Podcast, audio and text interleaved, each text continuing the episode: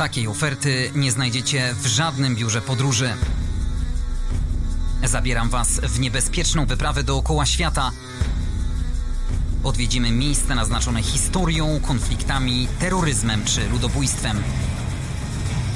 Zapraszam na podcast Jak nie zwiedzać świata. Andrzej Gliniak, witajcie. Pora na 75. odcinek. Dziękuję patronom podcastu Wakacje na Fali, agent turystyczny skupiający w swojej ofercie wiodących polskich turoperatorów. Wakacje na Fali, z nimi podróżujesz tak jak chcesz. Pozbet, profesjonaliści z branży konstrukcji betonowych oraz Entrak, europejski lider wśród dostawców części do maszyn budowlanych. Zapraszam do śledzenia kont podcastu na Spotify i YouTube i do lajkowania strony Jak nie zwiedzać świata na Facebooku. A dziś znowu wsiadamy na dwa kółka i opowiemy o rowerowej podróży mojego gościa, który pokonał ponad 2000 kilometrów, jadąc głównie po górach po krajach Azji Centralnej. Od Almaty, czyli od Kazachstanu, po Kirgistan, Uzbekistan i na Duszanbe, czyli na Tadżykistanie kończąc. Daniel Kałuża. Dzień dobry. E, cześć Andrzej, witam wszystkich tutaj słuchaczy. Bardzo miło mi być tutaj w jubileuszowym 75. odcinku, więc więc zaraz zobaczymy, jakie prezenty ze sobą przywiozłeś z tej okazji. Jak sam mówisz o sobie, jesteś podróżniczym wariatem, który doświadczył już 111 krajów i mieszkał w 12. Wysiłek fizyczny uważa za zbawienie dla duszy. Przebiegłeś 10 maratonów, ukończyłeś Ironman Triathlon, czy przeszedłeś w dobę 100 kilometrów, by śladem GPS-a napisać imię swojego psa. Odpoczywasz w górach i na dwóch kółkach. Przejechałeś rowerem z Polski do Stambułu, a zwyczajowy dziewięciodniowy trekking e, do Everest Base Camp ukończyłeś w zaledwie trzy dni. Szatoba, chylę czoła. Oczywiście są zawsze jacyś więksi wariaci, ale ja lubię jak się dzieje. Także o tym sobie porozmawiamy, jak się dzieje. No dobrze, to żebyś nie był gołosłowny, gdzie te prezenty? A no to dawaj, to zaczynamy od razu, czyli od, od, tego będzie zależało. Tylko od razu mówię, że nie będzie żadnej terefy ulgowej z pytaniami. Dobra, uwaga. Pierwsza rzecz to jest taka trochę typowa, którą można znaleźć w Polsce, ale nie w taki sposób. Bo cóż to jest, panie Andrzeju? To jest pewnie jakieś nasiono Nie, albo... to jest migdał. Migdał, okej. Tylko my zawsze migdały dostajemy już obrane, a tutaj ja je kupiłem jeszcze całe zapakowane. I to jest powiedzmy mniej hardkorowy prezent, ale teraz uwaga na ten drugi. Biała kulka. Biała kulka. Kulka mocy. To są te podobne kulki mocy. To jest, uwaga, słone. Większość ludzi się dziwi. Uwaga, to jest twarde. I ta kulka mocy to, nie wiem, żeby opisać, trochę większa niż paznokieć. Eee, I to jest mleko krowie, które oni zasuszają na zimę, no bo tam są góry, taki Tadżykistan, Kirgistan w 90% składa się z gór. To są kraje absolutnie pasterskie, więc oni, żeby przetrzymać tą zimę, gdzie tam jest zimno, jak się ma góry sześciotysięczniki wokół, e, to w taki sposób przetrzymują to, nie? Tak, tak, takie, my robimy ogórki, a oni robią e, kulki, kulki mocy z mleka. Czyli tym sposobem kolację już mam ogarniętą. Dziękuję Ci bardzo. I moc, i moc na, na ten rok. Co się stało, że akurat te miejsca na mapie świata tym razem wybrałeś? E, ta wyprawa. Moim celem tak naprawdę tam było przebiec maraton w Samarkandzie. Czyli w Uzbekistanie, w stolicy. Tak, Uzbek... nie stolica. Stolica jest Taszkent. Taszkent. Tak, tak, tak. E, Samarkand był jedną z... E, ja bardzo lubię historię. Samarkand był jednym z największych miast w historii, centrum szlaku jedwabnego.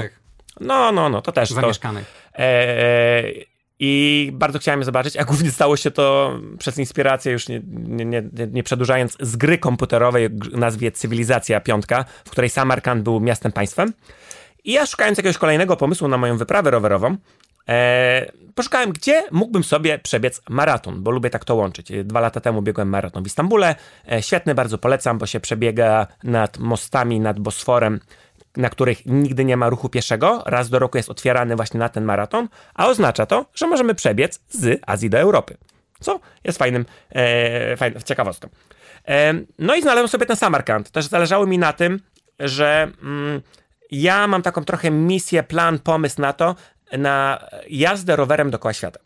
I w tym momencie moje różne wyprawy rowerowe, czasem miesięczne, czasem parutygodniowe, teraz była pięciotygodniowa, e, łączą się one, zaczynają się łączyć taką trasę dookoła świata. Możesz pociągnąć nitkę albo z Anglii do Polski, do Istambułu e, i tam pod armeńską, armeńską granicę przez całą Turcję, z Sycylii przez Wiedeń do Polski i, i tak gdzieś chciałem to połączyć. I ogólnie pomysł był, że kolejnym etapem powinno być z, ar, przez Armenię, Azerbejdżan do Teheranu też z 2000 kilometrów. Czyli do Iranu. Tak, do Iranu. Tylko właśnie, jak się nazywa e, stoli- e, kraj, którego stolicą jest Teheran?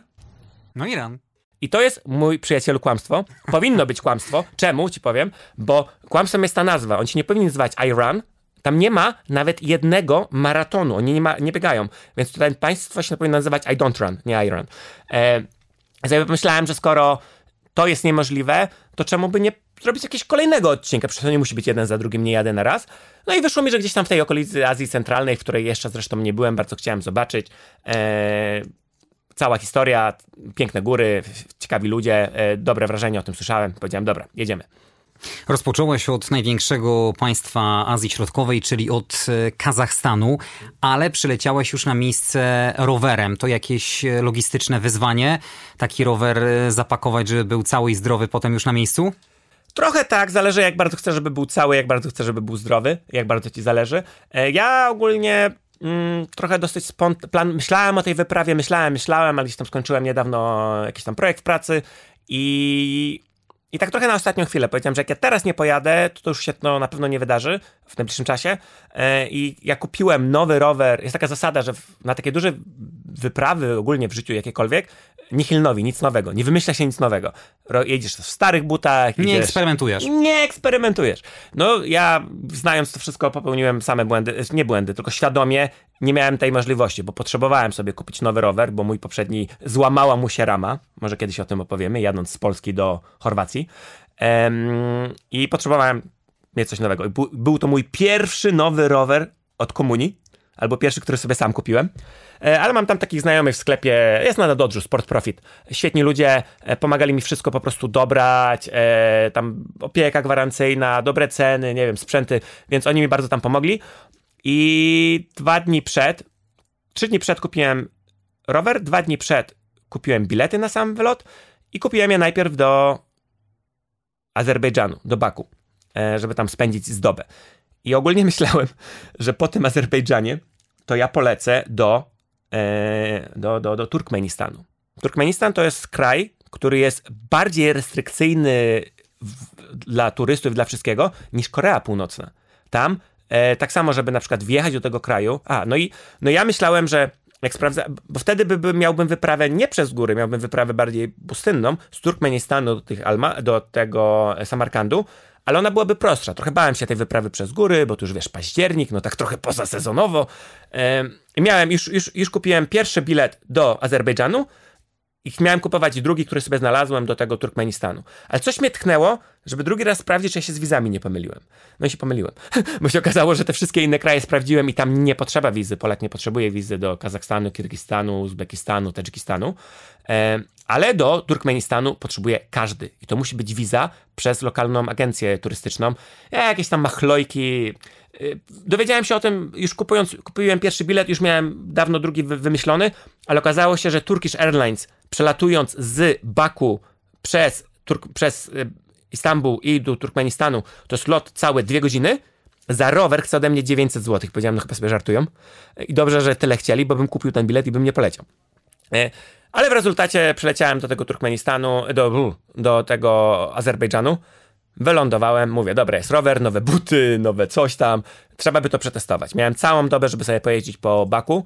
Mówiłem się na couchsurfingu, pewno ci tu mówią ludzie czasami o couchsurfingu. E, bardzo lubię, jakby ktoś nie słuchał, słyszał, to jest e, takie, taka organizacja, że można spać u ludzi za darmo, po prostu jak, jak mówisz, to jest jak odwiedzanie starego przyjaciela i tam ludzie mają różny jak gdyby poziom pomocy. Niektórzy tylko dają spanie, a niektórzy się tobą bardzo zajmują, a niektórzy, nie wiem, znajdują związki tam, no, różnych rzeczy. Znalazłem sobie ziomeczka tam w, w tym paku, tylko był problem inny. Jak wylądowałem, nie miałem co zrobić ze swoim kartonem, bo od tego zaczęliśmy pytanie, jak podróżować. Są różne z rowerem. E, ogólnie rower idzie pod pokład jako sprzęt sportowy. To jest jedna opcja. Druga opcja jest nie jako sprzęt sportowy, tylko dobrze go złożyć i jako bagaż pod pokład zwykły. Kosztuje to mniej, ale jest ryzykowne, bo słyszałem, że niektórym ludziom po prostu nie przyjmują. E, ale jako bagaż e, sportowy kosztuje to tam, zależy od linii, od 30 do 60 euro. E, tam lot chyba bierze, nie wiem, 250 zł, wiadomo, interkontynentalne drożej. Linie takie jak Japanese Airlines, bardzo ciekawe, albo Air Astana, czyli narodowy kazachski, zero. Jest wliczony w twój bagaż. To jest niesamowite, to jest ewenement. I można to zrobić jako E, są takie specjalne, jak masz naprawdę drogi rower, takie pudła, ale on samo waży z 10 kg, to na pewno nie, że na wyprawę, ale jedziesz na wyścig na przykład. jest. Ja miałem większość czasu taką nylonową, chudziutką torebeczkę, którą kupiłem w Japonii, jak mieszkałem 3 lata, bo tam znowuż do pociągów nie ma w pociągach haków na rower. Nie możesz wziąć roweru. Możesz go tylko spakować i wziąć ze sobą w torbę na, na ramię i wtedy nie masz bagażu. Nie? A, coś krali to obyczaj. Miałem taką torebeczkę, tylko ona ważyła, ona ważyła fajnie kilogram, była fajna na trasę, ale tak jak mówiłeś o zabezpieczeniu, no to szkoda dobrego nowego roweru w takie coś. Więc ostatnio zazwyczaj to biorę raczej, yy, idziesz do Decathlonu albo jakiegokolwiek sklepu i prosisz ich o karton. Kartony wszędzie się znajdzie, już to wielokrotnie robiłem. Taki karton jest najbezpieczniejszy, zawsze można tam trochę jeszcze folii albo czegoś dołożyć. No i dobra, wylądowałem z tym swoim pięknym kartonem w baku. Za niecałe 24 godziny mam lot dalej. No ale co zrobić z tym kartonem? No chciałem go dać gdzieś tam jakiegoś przechowania. A tu przechowalni niet.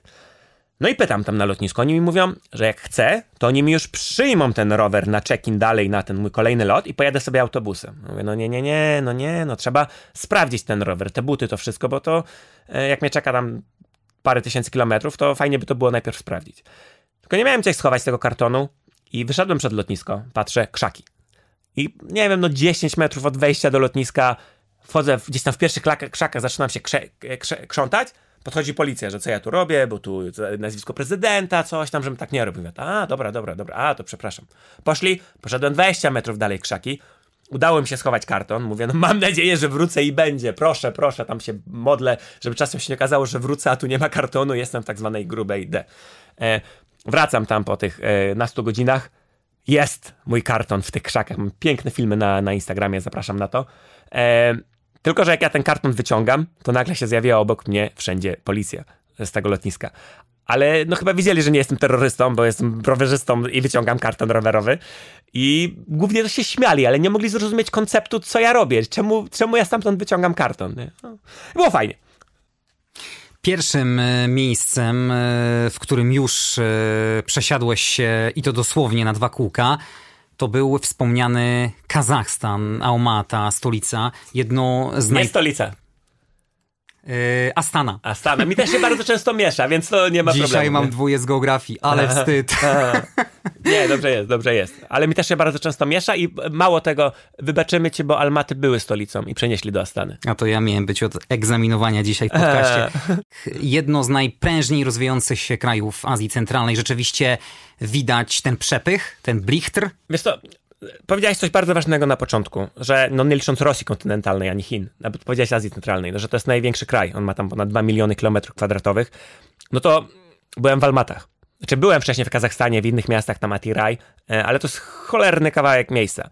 Almaty są bardzo nowoczesnym miejscem i ja byłem bardzo pozytywnie zdziwiony, od, mimo że Baku tam e, bogactwo wszędzie spływa po nich, bo ropa, to się tam nie czułem dobrze, a Almaty to od razu się poczułem fajnie, fajni ludzie, e, szerokie drogi, nie wiem, sauny, nie wiem, jedzenie, tak bardzo zachodnio, bardzo nowocześnie, e, było pięknie. W Almatach spędziłem więcej czasu niż chciałem, a trochę mnie czas gonił, byłem maraton do przebiegnięcia i wypadało, żebym tam był choćby z dzień wcześniej, a najlepiej ze dwa, a wiesz, a zawsze coś na trasie się może popsuć. Miałem tam z 1000 chyba 200 km czy 300 do dojechania e, przez góry i nie wiedzą, czy przełęcze są przejezdne, bo nikt nie był w stanie mi takich informacji udzielić. Ehm, spędziłem z 4 albo 5 dni. Ehm, zazwyczaj aż tyle czasu nie spędzam w jednym miejscu, jak jadę rowerem, bo nie mam czasu, ale po prostu się tak zakochałem. Piękne góry, e, już tam z Couchsurfingu znowu znalazłem sobie jakichś tam ludzi i zacząłem chodzić. E, piękne góry. Poszedłem na postsowiecką, ogromną saunę, która była jakby sobie wyobrazić, taki monumentalny styl sowiecki, nie? I w takim stylu ona była zachowana i, i to było bardzo ciekawe doświadczenie, bo ja na saunach też lubię być, ale o tym jeszcze porozmawiamy. E, po czym stamtąd, no, należało już się przebić dalej do Kirgistanu. Myślę, że dla większości Polaków, e, jeśli chodzi o wiedzę o tym państwie, to jeden wielki znak e, zapytania. Tak, tak, tak. Ja się zawsze śmieję, że ja jeżdżę, że ja opowiadam ludziom, że byłem w Stanach. Jak robię prelekcje podróżnicze i opowiadam o tym, to moja, na moim pierwszym slajdzie jest e, rowerem przez Stany i w tle jest tam Route 66 i coś tam, coś tam. I, I, widzę, jak ludzie mają takie znaki zapytania właśnie, jakie Stany, a później mówię, że to te lepsze Stany, czyli te Azja Centralna. No Kirgistan, Tadżykistan, jeszcze tam Uzbekistan i Kazachstan, no to są takie, tak jak mówisz, prężnie rozwijające się gospodarki. One walczą tam, Kazachstan i Uzbekistan w Azji Centralnej walczą o prymat e, gospodarczy i tam przywództwo w tym świecie. E, Kirgistan, Tadżykistan są bardzo z boku. dużo znaków zapytania. Niektórzy jeżdżą do Tadżykistanu, jest ta autostrada palmyrska, gdzie takie dosyć popularne, gdzie ludzie jeżdżą na, e, na rower, czy tam e, nie wiem, ciężarówką i, i, czy tam... I to jest fajne. E, a sam Kirgistan bardzo mało turystyki. Widać, że to jest postsowiecki świat nomadów, którzy tak ledwie 150 lat temu zaczęli mieszkać jako takiej cywilizacji. E, a wcześniej no to żyli w jurtach i tam byli na tych koniach. Zresztą tę tą bliskość natury i to takie pasterstwo widać wszędzie. Od tego, że po prostu jedziesz drogą w mieście dwupasmową, e, a sobie przez nią przechodzą, dwupasmową z każdej strony, w każdym kierunku, e, a przechodzą sobie przez nią krowy i to każdy musi zwolnić. Ludzie uważali bardziej na krowy niż na mnie, bo droższe.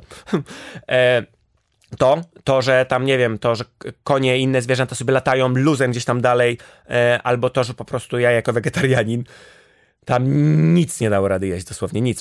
Miałem, czasami jadłem ryż z ryżem albo e, bukiet e, ryżu, kaszy i makaronu na jednym talerzu i jakąś sałatkę czasem się udało. Tym bardziej, że to jedne z najbardziej mięsnych krajów świata. Ajajaj, no mówię, no pasterskie po prostu... Byłeś nastawiony na pokusy na każdym kroku. Nie, pokusę nie, wiesz co, bo ja nie jem mięsa prawie 30 lat, tak, więc e, jakby miał do wyboru zjeść zwierzę albo umrzeć z głodu, no, no zjadłbym, no jakby musiał, był w jaskini, to bym pewno ciebie zjadł, albo ty mnie, no zobacz, albo nikt nikogo, ale jak mam możliwość zastąpić to, no to, to zdecydowanie wolę, nie?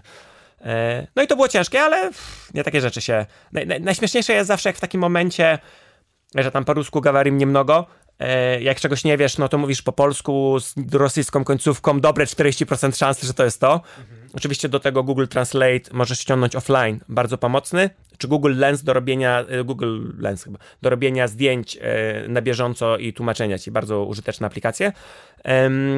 Ale no mimo tego, że absolutnie mówiłem, że nie chcę mięsa, żadnego składniku mięsa, żadnego dodatku mięsa, nie tylko, że na mięsie, to mimo to ilość razy, kiedy przynieśli mi coś i mówią, ja mówię, a co to jest w tym środku?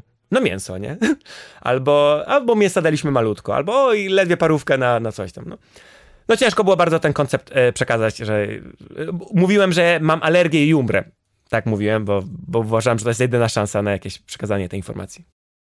Jakie były najciekawsze przygody, które spotkały cię w Kirgistanie? Mm, dużo, dużo, dużo bo zaczęło się od tego, że w Kirgistanie miałem pierwszą, największą przełęcz swojego życia, 3200 metrów na rowerze. No to wiesz, nasze rysy 2500, 2499, zależy kogo spytasz, y, a tu nagle na rowerze 3200, y, więc to było fajne. Zimno, wszędzie śnieg wokół. Na szczęście droga była przejezdna, bo, bo, bo przejechana. Niedługo później e, spotkałem jedynych przez 5 tygodni rowerzystów i mówię o turystach, nie mówię gdzieś tam lokalsa, który gdzieś tam sobie jedzie z czymś tam na bagażniku. E, jedynych dotąd. No i wiesz, no i zawsze świat jest relatywny, bo ja tu się jaram, jak to sobie jadę rowerkiem 2000 km, tam 100-150 dziennie i śpię w hotelach po drodze, bo, bo zimno mi się nie chce, a oni mieli na sobie wszystko, co, co wieźli, czyli namiot, śpiwory, wszystko, e, żarcie, wodę. E, do tego robili tak około 200 dziennie, no i zacznijmy od tego, że oni z tej Anglii przyjechali rowerami, nie? Więc zawsze jest jakiś tam wariat. Ja jestem podróżniczy wariat, ale znam różnych wariatów. Więc to było fajne z nimi pogadać, jak oni żyją, jak oni podróżują, co oni tam robią. co jeszcze w Kirgistanie było super? na pewno było takie jezioro Toktogul, się nazywa, które jest e, rezer, e, rezerwuar no, no, tam wody, żeby, żeby spiętrzać, żeby robić hydroelektrownię, żeby jest e, zasila 80% chyba z tego co pamiętam Tadżykistanu, Kirgistanu jest właśnie z tej jednej elektrowni zasilanej. I to jest niesamowite i piękne widoki, no bo płyniesz, jedziesz, objeżdżałem, cały dzień mi zajęło to jezioro objechać, bo to miało 90 km dookoła. E, ale wokół ciebie tam czterotysięczniki, e, biegające krowy, konie, no jakieś kozy, no ludzie, no po prostu świetnie. Zwłaszcza, że jeździłem, wiesz, w październiku, gdzie e, mimo, że gdzieś tam w górach wysoko śnieg, tam to zazwyczaj nie, temperatura taka, nie wiem, 10-20 stopni, zależy jak trafiłem, no i nie ma turystów, no po prostu nie ma turystów, nikt wtedy nie jeździ i, i to było super. No i co jeszcze? Jest takich może ostatnia fajna historia, którą tam spotkałem. E, aha, nie, no, no, dużo na sauny chodziłem lokalne, zawsze pytałem cię lokalne sauny, e, ale o tym jeszcze pogadamy. E, spotkałem jednego, tam ciągle mówiłem po rosyjsku, ale spotkałem jednego Kirgiza, tak to się chyba odmienia, który trochę mówił po angielsku, taki był dosyć młodszy i mieliśmy dyskusję, bardzo dużo historii, bo i rozmawialiśmy o polskiej historii, o II wojnie światowej, no i wiadomo, no tam mają, e, nie znam drugiego kraju, w którym tak komuś się wkłada propagandę do głowy, może Korea Północna jak Rosja, wszystko zaczynając od tego, że koncept II wojny światowej nie istnieje, istnieje tylko Wielka Wojna Ojczyźniana, która zaczyna się w 1941 roku, jak Hitler atakuje Rosję, a do tego momentu Rosjanie są biedni, e, atakowani przez cały świat i dopiero jak e, oni są zaatakowani, to się dla nich zaczyna historiografia. No i tych, tych kłamstw jest tam bardzo dużo i dlatego jeżeli którekolwiek z nich by legło, dlatego jak się rozmawia z Rosjanami o historii, jest bardzo ciężko, bo bo masz 100 punktów zaczepienia i jeżeli którykolwiek z nich naruszysz, to cały fundament się rozwala i, wtedy jest bardzo dużo agresji z ich strony. E, no ale e, rozmawiałem sobie o tej historii z jednym tam Kirgizem, młodszym w miarę, i dało się w miarę otwarcie rozmawiać. E, chociaż mówi mi, że no na pewno lepiej Rosja, e, że to Rosja zaatakowała Polskę, zaatakowała niż Niemcy. Ja mówię, słuchaj, co to za różnica, czy tracę ręce, czy, rękę czy nogę, nie? Tak czy tak, co stracę, wolę być przez nikogo nie zaatakowany. Ale powiedział mi, że rozmawialiśmy o tym, czy Rosja to dla nich dobra rzecz, że się wydarzyła, że ich skolonizowała tam w XIX wieku. E, no i ja, taki no jednak, może, możemy tu słyszeć trochę e, antyro, by, bycie antyrosyjskim, ale to nie o to chodzi. E, I tak byłem, że no nie, to na pewno było złe, no przecież komu to mogło zrobić. A on mi trochę otworzył oczy, że rzeczywiście oni do tego czasu mieszkali w jurtach, byli nomadami. Oni oczywiście mieli jakąś tam wielotysięczną cywilizację lat, ale nie mieli jakiejś tam władzy, siły, niczego. A Rosja im to wszystko zbudowała. Zbudowała im, wiesz, czy sami sobie zbudowali poprzez Rosję, czy Rosja im zbudowała wszystko od bloków mieszkalnych, po szkoły, po system edukacji, po system rządów. E, no i rzeczywiście przekonał mnie do tego, że dla nich, w ich perspektywie, to było coś pozytywnego. E, co też było ciekawe, to, to są, wiesz, to są wszystkie kraje muzułmańskie. E, tylko to są bardzo zlaicyzowane kraje muzułmańskie, bo najpierw 100 lat bycia pod Imperium Rosyjskim, później tam e, Związek Sowiecki, no to żadne z nich zbytnio religii nie sprzyjały, albo wręcz e, tępiły ile mogły. Dlatego to są tacy, ja tu mówię, wychillowani muzułmanie, nawet bardziej niż powiedziałbym w takiej Turcji, którą bardzo kocham. E, i, no i widać ten wpływ na, na tą całą kulturę i na to, że... Mm, powiedzmy, Rosja w Polsce też była, tak? I też byliśmy pod zaborami te 123 lata, ale różnica jest taka, że my mieliśmy bardzo zbudowaną tą kulturę. I, i tą naszą. I to, Rosja aż tak dużo nie zmieniła w tym, jak nasz świat wyglądał. A Rosja wchodząc do Kirgistanu, Tadżykistanu, tych wszystkich stanów, e, zmieniła całkowicie strukturę społeczną, tak? Rozerwała więzi życia w jurtach i zmieniła wszystko. Więc robiąc to, dużo łatwiej było wpleść też ich swoje elementy, bo później, jak te kraje stały się już e, niezależne, to ciężko wypleść taki jeden element z całego tego kłębka, który dostałeś, nie? I, I, to było fajne. I tyle powiedzmy o Kirgistanie. Jednym z celów e, twojej wyprawy był udział w maratonie i zrealizowałeś to będąc w kolejnym państwie, czyli w Uzbekistanie, w Samarkandzie. Yahoo, tak, dokładnie. Chociaż akurat śmiesznie, bo Um, chcielibyśmy to na mapie pokazać, ale powiedzmy, jeżeli ktoś za tym chce sobie zobaczyć. Oczami to, wyobraźni. Tak, Almaty. Przedstaw naszym słuchaczom. Z Almaty jedziemy na zachód do Biszkieku, do stolicy Kirgistanu. Z Kirgistanu jedziemy w dół do właśnie Uzbekistanu, przez cały Kirgistan. tam cztery dni. I teraz zaczynają się śmieszne rzeczy, bo jak ktoś sobie spojrzy na tę mapę, oni mają w opór enklaw. Czyli masz jakiś kraj, i, I to wygląda jakby ktoś wziął farbę i po prostu machnął farbą na ścianę, e, białą farbą, e, czarną farbą na białej ścianie i takie kropeczki. E, I te kropeczki na tej białej to są części innego kraju w twoim kraju. I, i tego jest bardzo dużo, bo, no, bo tam mają różne etniczne problemy. I wiadomo, jak to mapy, jak republiki sowieckie były dzielone przez Sowietów, to tak jak de dekolonizacja w Anglii, no, sorry, w Afryce. Tutaj mamy południk 40, tu tutaj jest granica i nikt się nie przejmuje tym, co to naprawdę znaczy. To było ciekawe i jak stamtąd, już, tej, już dojechałem do Uzbekistanu, to musiałem się dostać na zachód, do Samarkandu, ale robiąc taką drogę na zachód, przejeżdżasz przez Tadżykistan, przez część Tadżykistanu.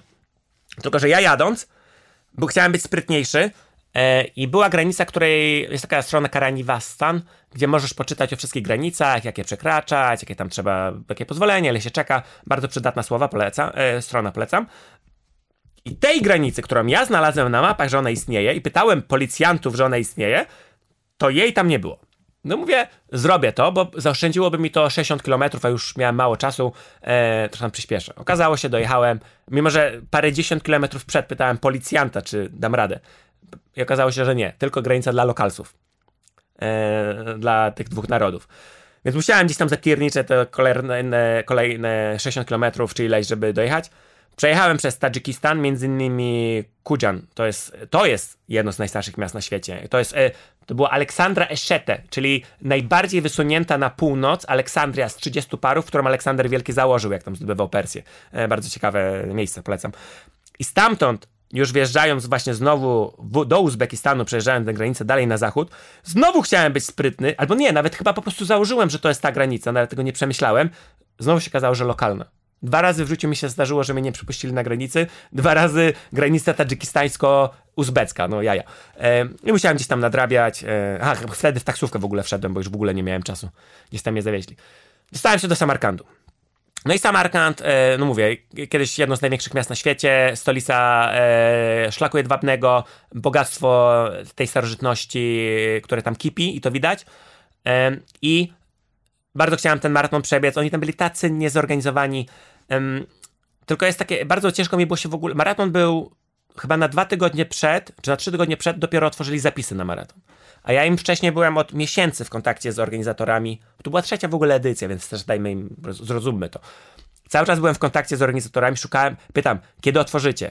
Yy, pierwszego maila mi odpisali, później wszystkie kolejne, że wkrótce. Później wszystkie kolejne próby kontaktu, zero odpowiedzi. Facebooki, maile, zero kontaktu.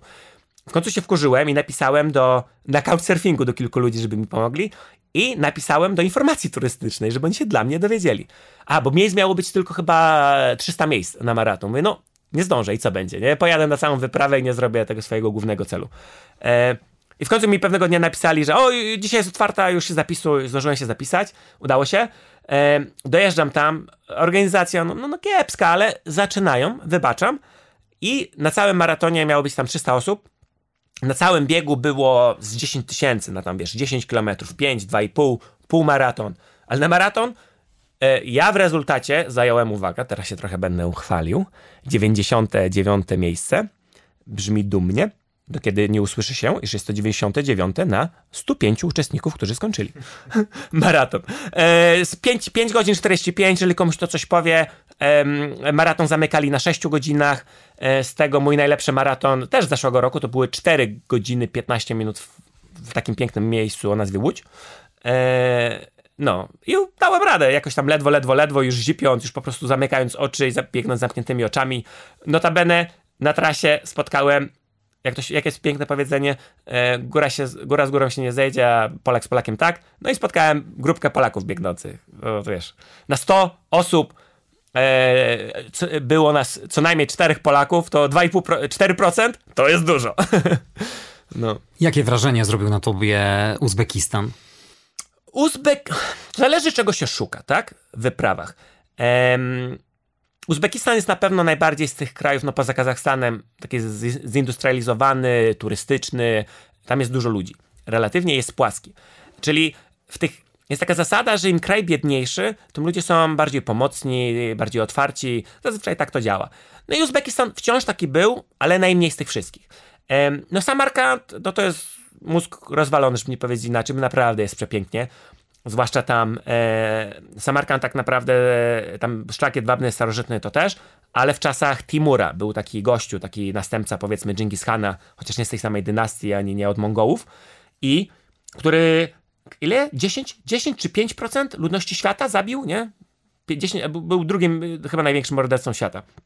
E, no ale to tak jak się pojedzie do Gorki w, w, w Gruzji, gdzie jest Muzeum Stalina, bo on stamtąd pochodził, e, i co z tego, jaki on był? Takiego go mamy i to jest to, z czego jesteśmy znani, więc tym się chwalimy, nie? I wiadomo, że każdy ma czarną i białą legendę. Więc tam wiadomo, mauzolea, meczety, no po prostu wielkie jakieś tam e, Karanivor Sai, to się nazywa miejsce, gdzie karawany się zatrzymywały. E, to wszystko tam jak najbardziej widać. E, potem pojechałem sobie do Taszkentu. Do, trochę odpocząłem, pojechałem do Taszkentu, do stolicy Uzbekistanu. Tam na przykład polski kościół, bardzo dużo w ogóle jest w Uzbekistanie y, polskich cmentarzy, bo jak szła armia Andersa, w której jestem tam trzecim, tak? Czy pierwszym roku, to, y, to bardzo dużo Polaków umierało po drodze, bo tam wiadomo, cywile też się z nimi ewakuowali, więc dużo jest cmentarzy I jest taki fajny polski, pol, tak zwany polski kościół w Uzbekistanie, w Taszkencie. E, tam różne te e, witraże, że ze świdnicy tutaj jakaś tam plakietka, że kościuszko, coś tam, coś tam. E, to było fajne. I stamtąd pojechałem sobie 100 kilometrów na północ, bo stolica Taszkent jest na północ od Samarkandu. I stamtąd pojechałem sobie na taki kolejny raz rezerwat, re, rezerwat wody. Jezu, jak to się nazywa? Zapora wodna, niech będzie. Elektrownia wodna, dla której zrobili zaporę yy, i dzięki temu powiększyło się jezioro lokalne. Znowu otoczone górami i w ogóle to jest bardzo blisko granicy, że bardzo blisko Kirgistan, bardzo blisko Kazachstan i takie 100 kilometrów dookoła tego jeziora prawie wyszło. I tam jeżeli ja w Taszkencie płaciłem za mój hotel 13 dolarów ze śniadaniem, i, nie mówię o hostelach, bo ja nie mogę spać w hostelach, bo jak mi ludzie chrapią, to ja umieram. Um, 13 dolarów zapłaciłem, to tam najtańsze hotele były 90, 100. E, ja mówię, no nie, no ludzie, no, może bym kiedyś dał 100 dolarów za hotel, jakbym nie miał wyboru, ale jeżeli ja dzień wcześniej płaciłem 13, a tam, bo to jest taki miejsce, gdzie wszyscy jak niczym zgierz dla łodzi, no ale e, takie miejsce, gdzie wszyscy lo, bogaci, nowobogacy z Taszkentu jadą sobie wypocząć i tam hotele też są. Jest bardzo dużo Dutch, czyli takich willi, nie? E, tylko mało rzeczy na bookingu, mało rzeczy na internecie, wszystko gdzieś tam numery powystawione. E, I objeżdżając sobie to jeziorko, no widoki, Jezus Maria, że szkoda, że no nie da się tego słowami opisać, ale wyobraź Zapierające dech w piersiach. Zapierające dech w piersiach, bo masz, mówię, wielotysięczniki, wokół to jezioro, na tych tysięcznikach po prostu e, śnieg, jeszcze do tego piękne słoneczko na tym śniegu, no to magia i skrzyło to wszystko. I najpierw, i, i powiedzmy, że na tym, jak objeżdżałem to jezioro, jak już wiedziałem, droga beznadziejna i wiedziałem, że e, muszę gdzieś znaleźć spanie, gdzieś tam dzwonię po hotelach po drodze, to w końcu nie, mówię, zaczynam szukać i czegoś innego. I pytam e, policjantów, nie wiedzieli. I w końcu jadę, jadę i taksówkarz mnie śmieje się, czy mnie podwieźć. A ja tak nagle po hamulcach i mówię, nie, ale może mi powiesz, gdzie jakiś tani hotel. Ja mam taką, wiesz, formułkę trochę, że ja tam jestem.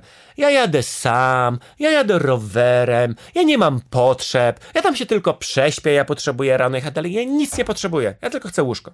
I yy, wynegoc- yy, spytał mnie, to ile chcę zapłacić? Ja mówię, no 20 dolarów. Tam setki jako alternatywa. Zadzwonił do jakiegoś ziomeczka z innej daczy, właśnie takiej willi. E, I mi załatwili za 20 dolarów. Miałem całą tą willę dla siebie, tam, no nie wiem ile tam było, 20, może i 20 miejsc noclegowych, jakbym to wszystko zliczył. Sauna, nie, jakieś baseny, no po prostu jaja. I ja tam sam za 20 dolarów. Tak. E, także to było super. Później sobie pojechałem dalej za tym jeziorkiem, trochę tam po górach pochodzić, bo jednak trzeba trochę chodzić w górach. E, gdzieś tam jakieś 30 km jednego dnia zrobiłem. E, tylko już trochę tak było śniegowo i, i, i, i, ciężko. No ale, ale góry przepiękne, widoki przepiękne, zapierające dech w piersiach, to nawet y, nie ma co mówić. Jezioro się nazywa jakiś zalew Chi Wrak, jakby to kogoś interesowało. Jest to około 100 km na północ od Taszkentu. No i na deser e, Tadżykistan, żeby spiąć e, klamrą te cztery kraje Azji Centralnej. Tak, i Tadżykistan, powiem ci, jakoś tak wyszło, był moim ulubionym krajem. Eee, wszędzie ludzie byli przyjaźni, wszędzie widziałem jakieś góry, widziałem naturę, ale w Tadżykistanie te, nie wiem, te zwierzęta, ci ludzie jeszcze bardziej byli. Ja tam często gdzieś jechałem, to mnie ludzie zaczepiali w tych wszystkich krajach, typu o, chodź na herbatę, e, chodź na czaj, chodź tam na, nie wiem, na coś tam, na obiad. Zapraszali na spanie, zapraszali na to, że e, jadę gdzieś tam, gościu mnie woła, wo, woła za mną, żeby do niego przybiegł, e, gdzieś tam po jakichś wsiach i ja co on chce? Mówi, a tu masz arbuza, zjedz sobie ze mną arbuza. E, zapraszali mnie na spanie, tylko spanie często wy ciężko wychodziło, bo ja jak miałem mało czasu, miałem trasę zaplanowaną, to nie miałem takiej, aż takiej wolności, żeby sobie gdzieś tam e, w połowie, jak ktoś mnie zaprasza, nagle skończyć dzień niestety. E, ale właśnie w Tadżykistanie też mi się udało to zrobić, bo już wiedziałem, że jest takie miejsce, że nie będę miał tam hotelu. I dosłownie wyglądało to tak, że już w nocy dojechałem na jakąś stację benzynową i pytam, czy gdzieś tutaj jest hotel. Oni mi mówią, no nie. E, I po 20 sekundach mówią, ale jak chcesz, możesz spać u nas. No i spałem sobie u ziomeczka, który... Ech, takie podróże pomagają zrozumieć to, jak my mamy dobrze. Czasami, nie? Przez to porównanie, bo chłopak skończył studia z chemii. Mieszka na jakiejś tam wypizdowie. Skończył studia z chemii. E, I on mówi, że on przez... Jak zaczął pracować w szpitalu przez 6 dni w tygodniu, to ile myślisz on zarabiał miesięcznie w dolarach? No tam w złotówkach mi będzie. Powiem w dolarach, kilkanaście dolarów. Nie no, miesięcznie nie, zarabiał, zarabiał 100, nie? Ale on miał na utrzymaniu e, żonę i trójkę dzieci. 100 dolarów miesięcznie, nie? Kosmos. E, a e, zmienił pracę, zaczął pracować jako mechanik w tym warsztacie samochodowym, gdzie go tam zgarnąłem i zarabia teraz 200, tak? Nie, sorry, 50 i 100, to tak było, że podwojenie, z 50 na 100. E, to, jako wiesz, chyba w całkiem fajnie mamy. Druga rzecz, oni tam E, no wiadomo, my ugościli gość w dom, Bóg w dom, tak też jest chyba w, e, w islamie, tam jeden z pięciu filarów e, wiary to jest właśnie gościnność dla, dla, dla gości. I, I to, że na przykład w prowincji po 21 czy 2 wyłączają prąd. Miasto główne, tam stolica i coś tam mają, ale w prowincji wyłączają ten prąd, bo, bo nie ma dość dla wszystkich prądu. Mimo, że tam też 90% hydroelektrowni. Do tego Tadżykistan to też takie było trochę o dietamo, kochałem i nienawidzę relacja, bo tam była jedna rzecz, która mnie tak wkurzała, po prostu, którą widziałem co parę minut w miastach, która powodowała, budowała we mnie złość. Ja raczej nie jestem człowiekiem, który, który chowa urazę albo złość, ale co to było? To były zdjęcia prezydenta Tadżykistanu. E, czemu, czemu mnie to tak irytowało? Bo on wisi praktycznie wszędzie. Wisi na, ja już rozumiem, e, rozumiem na jakichś tam budynkach rządowych, ale on wisi na bankach, on wisi na przedszkolach, on wisi na szkołach, on wisi na domach prywatnych, wszędzie tam jako zdjęcia. I on, on się nazywa Emomali Rahmon. I jak e, te wszystkie kraje są trochę autorytatywne, no wiadomo, no postsowieckie, czego tu oczekiwać, ale tam ten gościu, jak po rozpadzie Związku Sowieckiego 91-2 rok, e, wyszli na niepodległość, jak się dostał do władzy, trzy razy już zmieniał konstytucję, po to, żeby mógł przedłużać sobie e, no, zasady, ile może być prezydentem. Mało tego, e, wyobraź sobie, że mają, musi być naprawdę niezłej politycznej rodziny, muszą mieć w genach bycie politykiem, bo wyobraź sobie jakiś przypadek, że burmistrzem czy prezydentem stolicy jest jego syn. Niesamowite, nie? Geny. Ja chciałem takie geny polityczne. I po prostu wszędzie mnie radził w, te, w tą twarz. I pytałem często ludzi po drodze, czy oni go rzeczywiście kochają? Co tam z tym jest? Czy oni go lubią? I powiem ci, że zazwyczaj mówili tak, tak, tak, tak, tak, ale jak pogadałem właśnie z tym gościem, którego spałem, to on mi powiedział, Daniel, no co ja ci powiem? Jak ludzie mówią, że go nie lubią, to znikają. I oczywiście, ja mówię, że zawsze w podróży mam, mam dwie zasady w podróży. Pierwsza, zawsze pytać ludzi o zdanie. Druga, nigdy temu zdaniu nie ufać. I tak weźmy tak samo tutaj, nie? że to jest jedno pojedyncze doświadczenie, o którym ja opowiadam i nie budujmy sobie na podstawie tego obrazu rzeczywistości, ale takie informacje dostałem i, i ma to sens, nie? widząc po tym, jaki to jest autorytatywny kraj. E, no i co, no tam też było przebijanie się przez trzy tysięczniki, też chyba, chyba 3100 metrów. Nie wiem, czy ja kiedyś w życiu tak nie no, okej, okay, na Mont Blancu zmarzłem bardziej, ale dawno tak nie zmarzłem w życiu jak tam, zjeżdżając, bo miałem najtańsze rękawiczki z Decathlona, tam wiesz, za grosze. Eee, a później dojechałem do samej stolicy Duszanbe. Tam też się pięć dni pobujałem, nie wiem, po, po, poszkicowałem, bo ja ostatnio zaczynam szkicować ładne miejsca, które widzę. Eee, pochodziłem na sauny różne, bo to jest jedno z największych przyjemności dla mnie.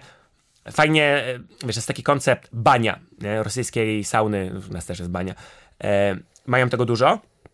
Eee, tylko ja lubię nie do spa, tylko z lokalsami. I tam no przeróżne rzeczy widziałem. Tu widziałem takie cuda na tych saunach. Już okej, okay, tego, że yy, ktoś siedzi parę minut tylko w saunie, bo ja chodziłem na najbardziej lokalsowe. Parę minut tylko w saunie wychodzi, parę minut wychodzi. Okej, okay, no taki jego styl. To, że ludzie wskakują po tej saunie od razu do basenu z wodą, no dobra, w Polsce takich ludzi widziałem. E, to, że siadają na tych wszystkich, e, a wiadomo, że sauny tylko męskie, nie, nie ma mix, miksu to, że siadają wszyscy na tych, e, na tych, na tych ławeczkach w swoich spoconych slipach, spodenkach, a żadnych ręczników, no to jeszcze. Ale teraz moje dwa ulubione smaczki. Na przykład to, że wchodzisz i jest ułożona po prostu sterta klapków i to są klapki wspólne.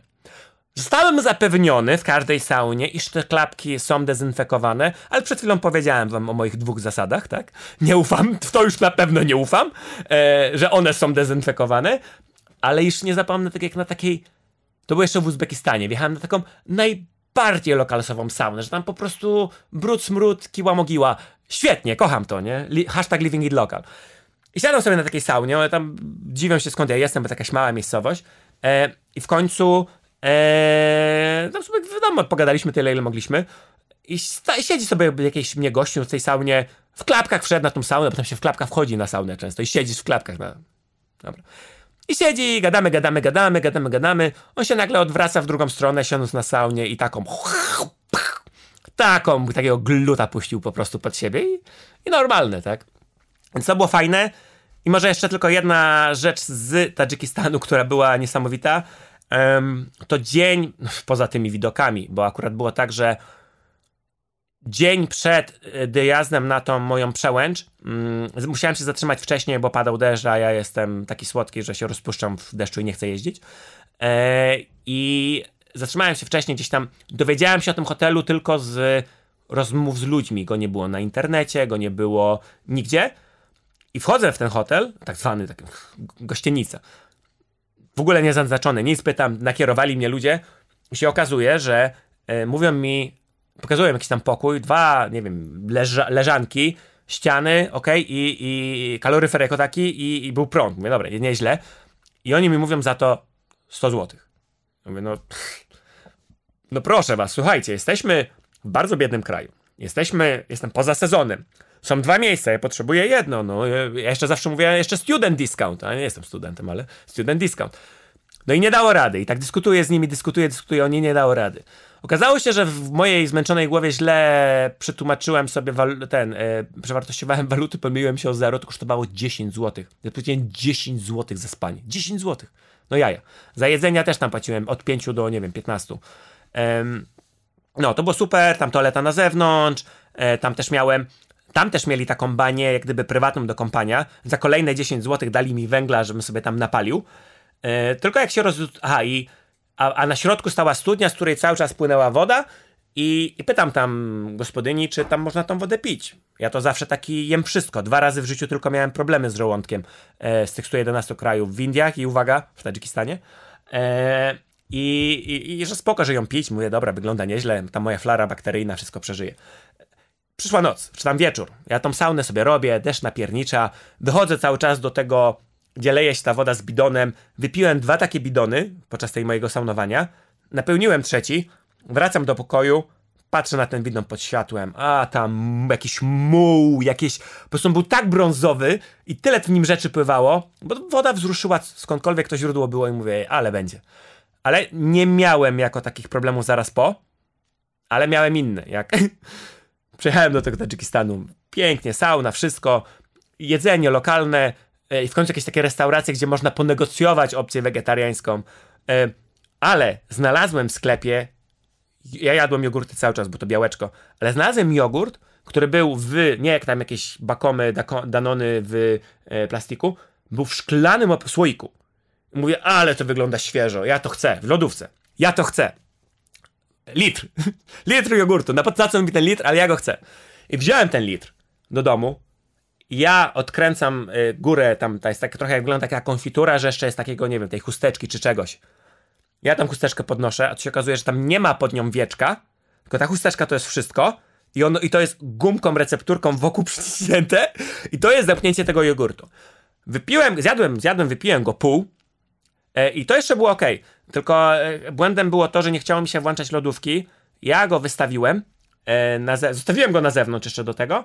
I jak rano zjadłem drugą połowę, a to był dzień mojego wylotu, to jak miałem podróż, zajęła mi podróż 24 godziny, trzy samoloty, autobus i jeszcze pociąg, to, to jak byłem, jak zacząłem tą swoją wyprawę, to jak to się mówi poetycko, jeżeli mogę się wyrazić, jak to moja mama kiedyś ładnie powiedziała, ścikałem dupą, bo po prostu jesień średniowiecza. 24 godziny e, takich miałem zabaw dzięki pięknemu jogurtowi, ale I regret nothing, bo było pyszne. Która kuchnia spośród tych e, czterech e, krajów e, najbardziej ci smakowała? Ja, ja myślę szczerze, że one są pra... podobne. Dla laika to one są podobne co może być ciekawe, co mogłoby być, wiesz, kraje pasterskie, wszystkie postsowieckie, no ile tam może być różnicy? Oczywiście między, nie wiem, między Łodzią a Warszawą są różnice, ale to ja na tyle się nie znam. E, co jest ciekawe, coś o czym ja nie wiedziałem, a lubię geografię, nie zdawałem sobie z tego sprawy, tak jak my mamy Unię Europejską, to jest taka Rada Narodów Języka Tureckiego. Coś takiego tam Erdogan z Turcji próbuje przepchnąć. I to jest dla tych wszystkich krajów post-tureckich. E, post, e, które mówią językami tureckimi, czyli e, właśnie Kirgistan, Kazachstan, Turkmenistan, Uzbekistan, tylko nie Tadżykistan. Tadżykistan jest krajem irańskim. Oni mówią farsi. Ja nie miałem pojęcia. Ja myślałem, że oni wszyscy mówią w tym samym, nie? Bo oni wszyscy ci ty, między sobą rozmawiają e, między uzbeckim a nie wiem, kirgiskim. No to, to, to, nie wiem, polski, czeski jeszcze mniej, nie? Jeszcze, jeszcze bliższy. Zdecydowanie dużo bliższy. E, I Tadżykistan jest jednak tym różnym krajem. I, i to widać, tak jak mówię, czy o tym, e, o tym rządach autorytatywnych. Tam najwięcej też spotkałem e, posągów już nie tylko Lenina, tylko Stalin się nawet udał znaleźć, mimo że była cała destalinizacja. Czemu? Bo jak spojrzymy na mapie, to jest jak gdyby no, Uzbekistan i Kazachstan i Kirgistan też, nie, Kirgistanie, graniczą z Rosją. A wiadomo, że jak graniczysz, to możesz mieć zatargi, zresztą znając jak Rosja nawpuszczała wszędzie kolonistów, co widzimy w wschodniej Ukrainie, e, nawpuszczała kolonistów i no i później są zatargi o te miejsca. A Tadżykistan jest dalej. Więc yy, wróg mojego wroga, tak jak nie wiem, Polska z Japonią właśnie przeciwko Rosji, czy takie tam wszystkie rzeczy, czy Polska z Francją przeciwko Niemcom, etc., etc. E, więc myślę, że to mocno wpłynęło na ten kraj, to wpłynęło na ten styl autorytatywny. To, że oni są inną w ogóle grupą etniczno-językową, no, więc, więc, więc ten kraj mi się najbardziej, najbardziej był inny. A jeżeli chodzi o kuchnię, e, no to słuchaj, Andrzej, ja nie, ja nie bardzo miałem co tam jeść. Ja jeżeli mogłem jeść, to byłem szczęśliwy. I co łaska, nie? Tam czasami już miałem niektóre jakieś tam swoje dania, które już wyczaiłem, że e, można je zrobić wegetariańsko, po prostu nie dodając mięsa w trakcie produkcji. E, a jak nie, no to jadłem no, sałatki, makarony i owoce, tak? I co mi tam, co mi tam dali kochasz zwierzęta. Opowiadałeś e, jeszcze za kulisami, zanim weszliśmy do studia, że mało brakowało, abyś jednego z pieska adoptował. Co to za historia? Ja pierniczę, wiesz co, ja tu teraz nie zobaczysz, ale mam na ramieniu łapę mojego psa wytatuowaną. E, na, tu mam pierścień, którym, krótko mówiąc, sam go zrobiłem u koleżanki jubilerki. Wszystko poza, wszystko ja sam wykonywałem, poza tutaj żywicą, a w tej żywicy mam włosy swojego psa ale mój piesek już niestety nie żyje od czterech lat. I ja zwierzęta kocham. Ja w takiej podróży obcowanie ze zwierzętami, obcowanie z naturą to jest dla mnie największe bycie w teraźniejszości, darmowy psychoterapeuta i ja od razu mam banana na buzi. I ja często jak te, i, te zwierzęta tam, wiesz, biegają tak luzem, są takie... To nie jest krowa w fabryce w Polsce, która, wiesz, je cały, albo świnia, albo kura, która nie widzi słońca, tylko cały czas tam siedzi. Eee, tylko te, te, zwierzęta naprawdę, ja mogę powiedzieć, że one są szczęśliwe. Na jakiś, w ogóle w Tadżykistanie na jakiś targ zwierząt trafiłem przypadkiem, ale się bawiłem, patrząc na te wszystkie zwierzęta. E, I, I powiedzmy jasne, że chciałbym, żeby nie były krzywdzone, ale to jest akceptowalny jakiś tam poziom, nie? Już nie przesadzajmy. E, I ja ze zwierzętami wszystkimi po drodze gadam. No, mam dużo filmów, jak gadam z bażantami, z intykami, e, z becze i mecze z krowami, z kozami i z owcami. Wszystkie psy głaskam, jeżeli jest tylko taka możliwość i i też muczę z krowami, oczywiście. Tylko z krowami się ciężko muczy, bo one nie odpowiadają, ale z kilkoma mi się udało, co też mam uwiecznione na filmach i to jest świetna frajda.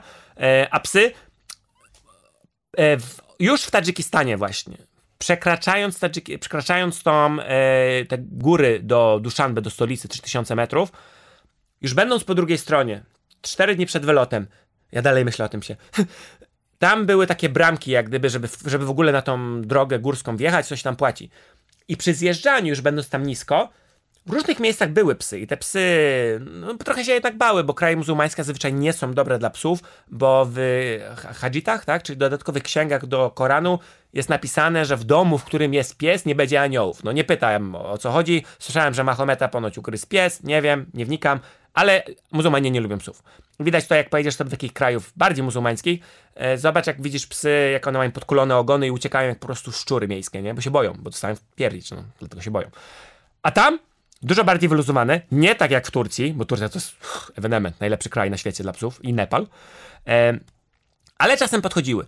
Ale tam, przy tych bramkach, po prostu obległy mnie cztery psy, takie w wieku, nie wiem, roku, dwóch, albo było widać, że młode. Tylko co było ciekawe, czemu one przybiegły? Ja to sobie wykonceptowałem, że skoro tam się zatrzymują te samochody na te bramki, to one podchodzą do okien i żebrą, żebrzą, żebrzą. Eee, i one do mnie zaczęły ze mną skakać, biegać, tulić się. Po prostu był jeden taki czarny pies, którym ja się tak zakochałem. Ale nie, miałem tam jakieś jedzenie, parówki, bo zawsze mam ze sobą, e, żeby nakarmić psy. E, coś tam je pokarmiłem. Mówię, dobra, pieski, ale już muszę jechać. I ja zacząłem jechać, a on biegnie za mną. Ja jadę z, naprawdę 30 km na godzinę co najmniej, bo to z górki jeszcze to szybciej. A on za mną, nie? Ja mówię, no nie rób tego, coś cię potrąci. Tylko dla fanu. Tylko i wyłącznie dla fanu bieg za mną. Dobra, przejechałem już tam dalej, z parę kilometrów coś tam się zatrzymuje, ja patrzę, a on dobiega do mnie, nie? Już mnie nie widział, już mnie nie widział, a dalej bieg. I on dobiegł do mnie. I ja mówię, no nie, no ty mi człowieku, człowieku, ty mi psie po prostu mózg rozwaliłeś. I ja mam takie marzenie, czemu też nie mam psa. No jedno to jest takie wytłumaczenie, że wiesz, warunki, coś tam, coś tam, ale to tak trochę... Nigdy nie ma dobrego momentu na dziecko, ani na psa, ani na nic. No. Ale drugie, że trochę bym chciał romantycznie, żeby to pies znalazł mnie, a nie ja psa. Żeby to była taka magiczna historia, jak z moim pierwszym psem, ble, ble, bla, bla.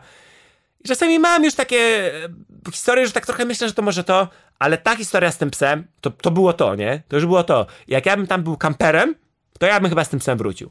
I trochę mi chodzi po głowie, trochę mi chodzi, żeby właśnie na tą e, Palmerian Highway wybrać się w tym roku i może tego psa odebrać, nie? To tak, nie wiem, może, może, może, może ja go naprawdę zaadoptuję, ale to byłaby, to byłaby akcja z Tadżykistanu, przywieźć sobie psa.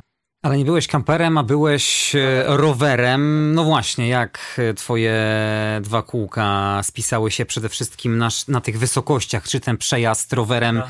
poza sezonem, tam było po, powyżej 3, 3200 mm. nawet często e, wysokości. Wszystko się udało? E, wiesz co, tak jak mówię, kupiłem, miałem pierwszy nowy rower od komunii i pierwszy w życiu nowy rower, który ja kupiłem. Um, I kupiłem gravele. Ja zazwyczaj jeszcze kolażówką, bo wąsko i szybciej jadę, ale no na nic nie wjadę poza tym. I, I, mówię sobie, że trzeba to zmienić, bo tak naprawdę aż tyle na szybkości nie stracę, a szkoda mi jakichś fajniejszych tras, iść tam, wiesz, natury, a poza tym jak jesteś na wypizdowie, to nie tyle, że szkoda fajniejszych tras, tam nie ma innych tras. Um, I wszystko się spisywało super, aczkolwiek w Kirgistanie, dosłownie w taki drugi dzień mojej realnej wyprawy rowerowej, jadę sobie taką ścieżką e, asfaltową, e, już, już tam poza stolicą, przy, mm, przy tej właśnie czteropasmówce, tam przez miasta i wioski przejeżdża taka, jest taka ścieżka z boku. I wszystko było super, ja nią jadę, tak z ograniczonym zaufaniem, cały czas pilnuję, ale czasem, czasem skręcała, coś tam, ale był ten asfalt ciągły. Aż pewnego momentu, po takich dwóch godzinach zaufania tej ścieżce, chwilę się zapatrzyłem, może na krowę albo na dziewczynę. Jadę, jadę, schody. Takie, że nie do odpuszczenia. I to nie, że był kawałek schodów, a kawałek można było przejść asfaltem. Nie, po prostu po dwóch godzinach skończyło się to schodami. W dół na szczęście chyba. Spierniczyłem się na pełnej prędkości. E, bagażnik mi się połamał. Śrubka od bagażnika, to gdzieś tam e, szybko mi to zaczęli naprawiać. Koła mi się scentrowały w drugi dzień mojej wyprawy z pięciu tygodni, no welcome. E, ale tam sobie lekko ponaprawiałem, ponastawiałem i powiedzmy dało radę. Dętkę przebiłem tylko raz i do dzisiaj nie wiem, jak to się wydarzyło, bo to było na zwykłym asfalcie, pod górkę, powolutku. Pff, nie mam pojęcia. E, a, dla, a zazwyczaj dużo miałem takich problemów, więc, więc w tym fajnie. Na wysokościach to wiesz, to bardziej chodziło o rower tam jak rower. O, e, ja tam mówię, w deszczu bardzo się staram nie jeździć, bo, bo nie lubię, a też szkoda mi roweru. E, tam nie jeździłem po śniegu jako takim, tylko droga była odśnieżona, ale wokół ciebie tam parędziesiąt centymetrów. E, no i ważniejsze były mowy, że nie wiem, ubrania, nie? Żeby tam nie zmarznąć. No ale z drugiej strony, jak jedziesz rowerem, to jest zawsze ten, ten, ten balans i trade-off pomiędzy e, dużo bierzesz i się na wszystko przygotowujesz, a masz ciężko. No i gdzieś sobie to trzeba pytanie zadać i własne priorytety postawić. Podczas całego podcastu bardzo często wspominasz o otwartości, życzliwości miejscowych było cokolwiek nieuprzejmego, co spotkało cię z ich strony? Powiem ci dziwną. Nieprzyjemną, ale dziwną. E, czy zazwyczaj nieprzyjemnych nie, tak jak sobie pomyślę o wszystkim. Chyba nie za bardzo. Jedno miałem taką nieprzyjemną w tym, że em, Tadżyk, znowu, to jest zaraz za tym psem, zaraz za tym Tadżyki, zaraz przed stolicą, jak ja tam zjeżdżam, tego samego dnia przekraczam tą przełęcz, widzę tego psa, dojeżdżam do Duszanbe, dzień później jem jogurt i przy jakiejś pierwszej restauracji, która się pojawiła realnie za tą, prze, za tą, za tą przełęczą, wchodzę tam sobie, to widać, że jakiś rowerzysta skąd się wziął, co, o co w ogóle chodzi. Ja też zawsze jeżdżę, mam przyczepioną polską flagę, bo lubię być ambasadorem. Mam też zawsze ze sobą taką dużą, normalną flagę, którą jak spotykam fajnych ludzi, to proszę, żeby mi ją podpisali. E, zresztą mam ją tutaj. E, ale co? I zobaczył mi jakiś lokal i miał taką ogromną potrzebę mi pomocy, że on do mnie, że on... Mm, czy on mi może jakoś pomóc, nie? nie wiem, jak chcesz mi pomóc? Nie? Ja jestem otwarty na propozycje. On mówi, no, że coś tam, gdzie będę spał. Ja mówię, no, jakbyś chciał mnie gdzieś zaprosić u siebie tam, no to z przyjemnością, nie? On mówi, a nie, ty, ja mówię, ale mówi, no nie, że nie może, bo coś tam, coś tam. E, on pracował w ambasadzie, tam to było widać, że dziany, bo gdzieś tam jak płacił za, za jedzenie, to mu tam setki dolarów wystawały z portfela. E, I on mnie pyta, to ile ja bym chciał za hotel zapłacić? Ja mówię, no tak zazwyczaj celuję, nie wiem, 20 dolarów mniej więcej. A on do mnie, że on mi za ten hotel zapłaci. Ja mówię, słuchaj, gościu, to nie jest, że ja nie mam pieniędzy. E, jak chcesz mnie przyjąć u siebie z przyjemnością, chcesz mi postawić obiad, gdzieś pójdziemy, zaakceptuję. Ale płacenie mi za hotel wydaje mi się bardzo dziwną sytuacją, nie? Ja nie mam takiej potrzeby. I czemu to było dziwne? Bo on walczył ze mną, nalegał, po prostu w ogóle mnie nie słuchał i mojej wyjaśnień. Rozumiem, że chciał dobrze, nie? Ale on już do mnie, że on te pieniądze wziął i on mi je na rowerze postawił. Więc słuchaj, jak mi tak to zostawisz, to ja je wezmę i pierwszej potrzebującej po sobie oddam, nie? Nie ma problemu, że to jest twoja potrzeba. E, ale był taki pushy, no był tak niesamowicie pushy z dobrymi intencjami, ale w ogóle mnie nie słuchając. E, no i w rezultacie się umówiliśmy po prostu, że mówię, słuchaj, dobra, weź e, bo mówi, do, że się umówiliśmy na obiad tam kolejnego jakiegoś dnia. Nie było drugiego dna. Nie wiem, do tego nie doszliśmy, tak? No wiesz, jeżeli chciał mi postawić hotel, w którym go nie było, to, to nie wiem, jakie mogłoby być drugie dno. Chociaż tam, kto tam wie. E, po prostu byli aż tak, byli, tak chciał być pomocny, tak przytłaczająco chciał być pomocny, tylko że w tym nie słuchał drugiej osoby, nie? Jakie ma potrzeby. Ale tak, to poza tym, nie wiem, nie, no wiesz, ja jestem uśmiechniętym człowiekiem, ludzie są uśmiechnięci. Widać, że jakiś tam jaki ja mogę być dla kogoś problemem? Jestem rowerzystą, który sobie jedzie, tak? No to wszyscy patrzą jak na wariata i mówią, co ty tu robisz? Jest śmiechy chichy, nie? Bardziej niż, albo, albo bardzo często miałem pytania, e, jak mówiłem o Polsce, to, to, tam wiesz, no bezrobocie, bieda, e, czy ja im wizę załatwię? Mówię, tak, siedem mam ze sobą, nie? Wszyscy chcieli wizę do Polski, żeby pracować. Trzy najbardziej niesamowite miejsca, które widziałeś podczas swojej podróży do tych czterech krajów w Azji Centralnej? Mhm. No to nie, li, nie lista uporządkowana, ale to jezioro Chivrak, tak, nad e, stolicą Taszkientem, czyli tam 100 km w górę, otoczone tymi śnieżnymi górami e, i, tam można i robić ich, i można chodzić po górach i można jeździć rowerem i w sezonie można sporty wodne, no jest po prostu absolutna magia. To jest jeden. Spytałeś mnie o najpiękniejsze miejsca, tak? Tak, dobra. Dwa, e, uwaga, Teraz będzie całkiem inny temat, bo będzie to inne jezioro, y, też otoczone górami, tylko w Kirgistanie, które się nazywa Toktogul. No co mam zrobić? No tam jest wszystko, no jest po prostu, są góry, e, są, e, pięk- są ludzie, są zwierzęta i jest jezioro i można robić wszystko i po prostu te, te, te góry odbijające się w, te, w tej tafli jeziora ogromnego, no, no, no mózg rozwalony. A numer trzy. Mm, dam egzekwo, będę chytry. E, jeden to będzie Samarkand, czyli właśnie te E, obiekty UNESCO, no po prostu tam stoją wielkie, nawet nie będę opisywał, e, ale wielkie obiekty UNESCO z Samarkandu. Robi to ogromne wrażenie. I egzekwo z tym nazwę to po prostu słowem góry. Przełęcze górskie, góry, jedzie się przez te. Albo nie, dobra, mam. Żeby był konkret, że nie tylko, że o, góry, no góry to są fajne, ale tam 90% góry, sześciotysięczniki wokół, ale wy, nie porozmawialiśmy w Tadżykistanie, że jak się wjeżdża z Samarkandu, jest coś takiego jak Siedem Jezior. I tam się po prostu coraz wyżej jedzie, jedzie, jedzie. E, I wszystkich pytałem, czy mogę tam ze 100, 70 km. I wszystkich pytałem, i najwyższe jezioro jest na 2400. 2400, no na turysty 2500, to o czym my gadamy. E, I wszystkich pytałem po drodze, czy tam mogę rowerem, czy mogę rowerem. Wszyscy absolutnie nie ma szansy. No ale znowu moja zasada, trochę wiesz, trochę nie. E, dogadałem się, w końcu znalazłem jakichś tam ludzi, którzy chcieli jechać. I też wziąłem taksówką swój rower i po prostu się umówiliśmy, że jeżeli będzie e, zła trasa, to wracam tą taksówką. Jeżeli dobra, to sobie zjadę rowerem. No i, i tam rzeczywiście na, tych, e, e na tej wysokości już nie chodzi nawet o, e, o te góry i o te jeziora, to wszystko było niesamowite, ale to natura. Ale tam te wioski, jak widzisz wioski na 2400 metrów, to to już jest e, wypizdów wypizdowa poprzez wypizdów tam wiesz, nie ma drogi asfaltowej, tam nic nie ma, tam prądu nie ma prawdopodobnie, a jeżeli mają, to nie wiem, no, e, e, na, na baterie słoneczne. E, no i taka właśnie naprawdę odklejona od świata rzeczywistość w jakichś tam lepiankach żyją nie wiadomo, co tam się dzieje. To to, to naprawdę zrobiło wrażenie. Siedem jezior.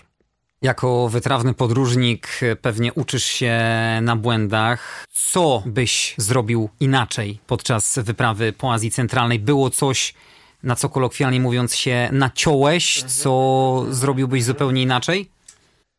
Dobra, to e, zaskoczyłeś mnie tutaj. Ja, ja, mam na bardzo. A widzisz, dużo... wreszcie. A, nie, nie raz i nie dwa, ale ja zazwyczaj. Ja za dużo wręcz myślę, mam, mam analityczny umysł, pracuję umysłem e, i to jest wszystko miecz obusieczny e, i to jest fajnie, ale też jest źle, no bo człowiek jest e, później zmęczony. Ale, więc bardzo dużo rzeczy mam przemyślanych odpowiedzi na różne pytania, a tego nie, te, tego nie miałem. Więc tak odpowiadając na żywca, zaczynając od początku, Nihil, nic nowego w dniu wyścigu, nie eksperymentuj. E, buty wcześniej bym kupił, rower bym wcześniej kupił, trochę bym tam to przygotował, a nie na miejscu uczył się, jak, jak mam go złożyć i rozłożyć. E, co jeszcze? Mógłbym trochę poprawić ubrania. Mm, nie wjechałbym w, w granice, których nie można przekroczyć, bo to było bez sensu.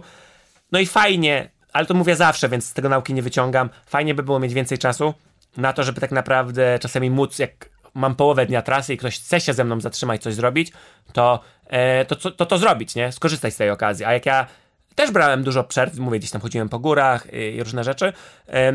No ale fajnie, jakbym jeszcze miał taki tydzień, to by byłoby fajnie. Chociaż znając życie, jakbym tą całą wyprawę obliczył z tygodniem wcześniej, to bym go rozpierniczył na początku gdzieś tam i później znowu byłyby te sytuacje, gdzie by mi brakowało.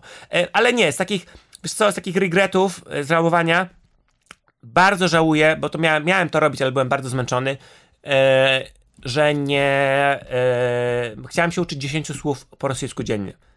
To jest proste. Ja w, przy takich pięciu tygodniach to bym im tam niszczył. I tak rozmawiałem z nimi po rosyjsku. W klasie rosyjskiego uczyłem na studiach we Włoszech, na licencjacie pół roku. E, I tego mi trochę zabrakło, że tego nie robiłem. E, no i takiego trochę, powiem ci szczerze, wewnętrznego bardziej zadbania o siebie, bo często przed tym maratonem, właśnie te dni yy, przyjeżdżam tym rowerem, według tam szkoły powinienem się rozciągnąć, coś tam porobić, a ja byłem taki zmęczony i niechciejący i potrafiłem, nie wiem, dwie godziny siedzieć na YouTubie, oglądać jakieś niepotrzebne mi głupoty, żeby jakoś zająć głowę i ani wtedy realnie nie odpoczywałem, ani się nie, nie pomagałem swojemu ciału, ani, ani, się też przez to nie wysypiałem. I, I na to byłem strasznie na siebie zły. No ale no, powiedzmy, nie można mieć wszystkiego.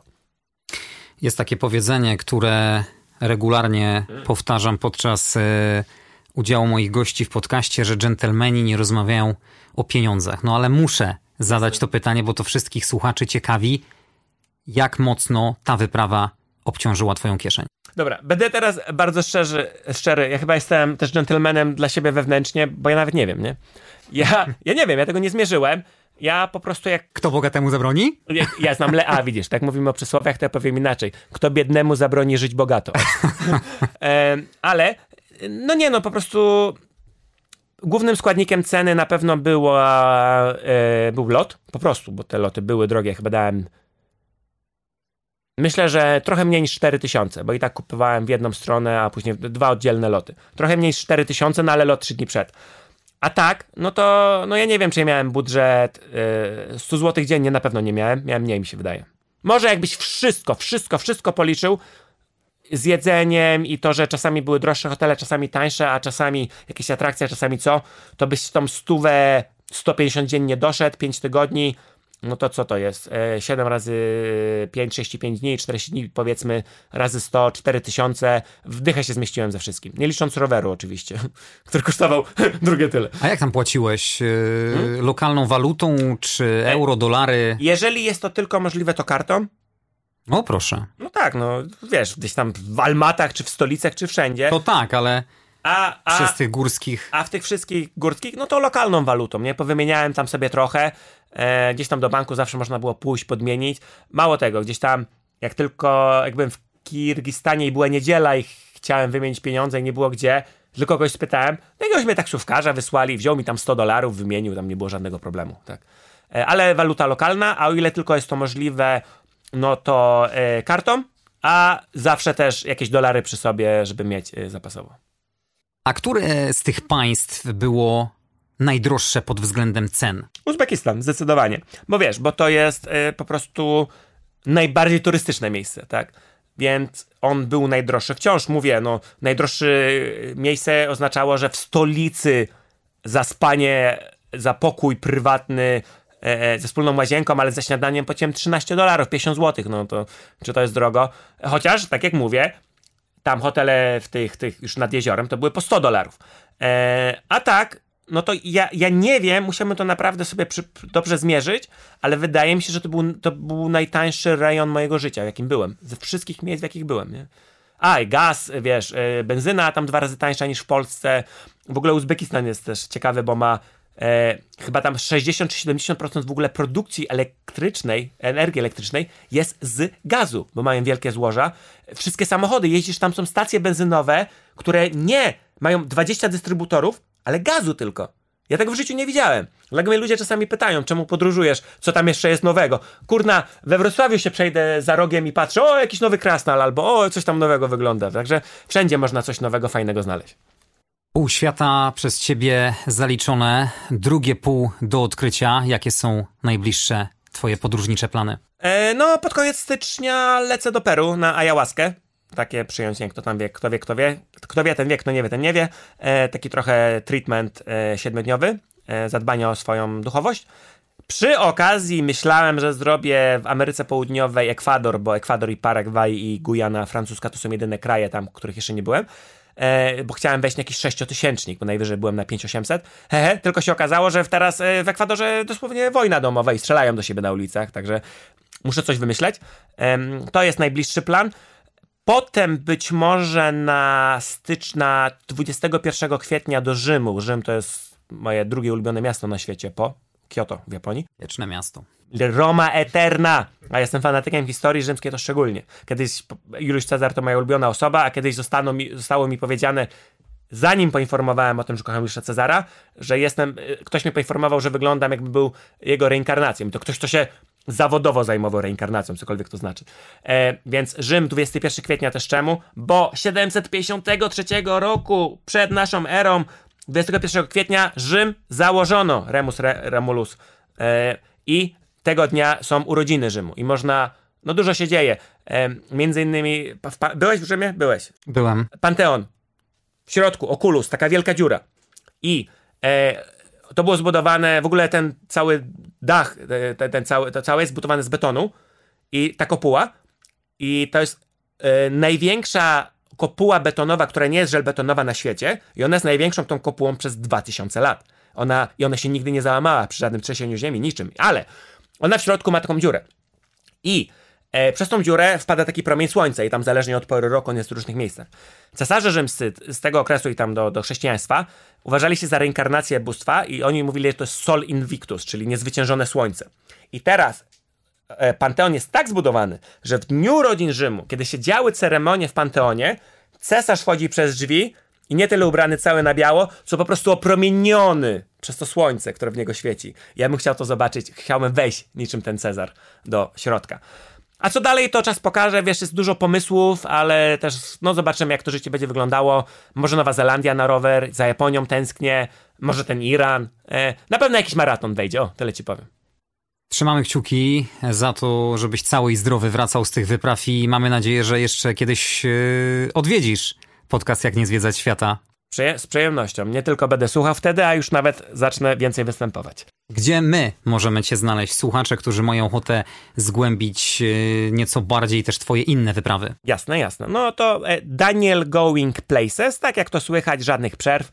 E, na Instagramie, E, czy ja już na YouTubie mam prawie nic, ale głównie powiedziałbym Instagram. Przymierzam się do tego całe życie, żeby robić więcej, no ale no trochę lenistwo, trochę perfekcjonizm mnie od tego odwodzą, ale kto wie, jak zobaczę, że są ludzie zainteresowani, to może i będę miał ochotę o tym więcej opowiadać. Daniel Kałuża, podróżniczy wariat, który odwiedził 111 krajów świata, był gościem najnowszego odcinka. Dziękuję Ci bardzo. Dzięki wielkie, pozdrawiam. A my tradycyjnie zapraszamy do śledzenia kont podcastu na Spotify, YouTube, do lajkowania strony Jak nie zwiedzać świata na Facebooku. Słyszymy się w kolejnym odcinku. Andrzej Gliniak, dziękuję, pozdrawiam. Do usłyszenia.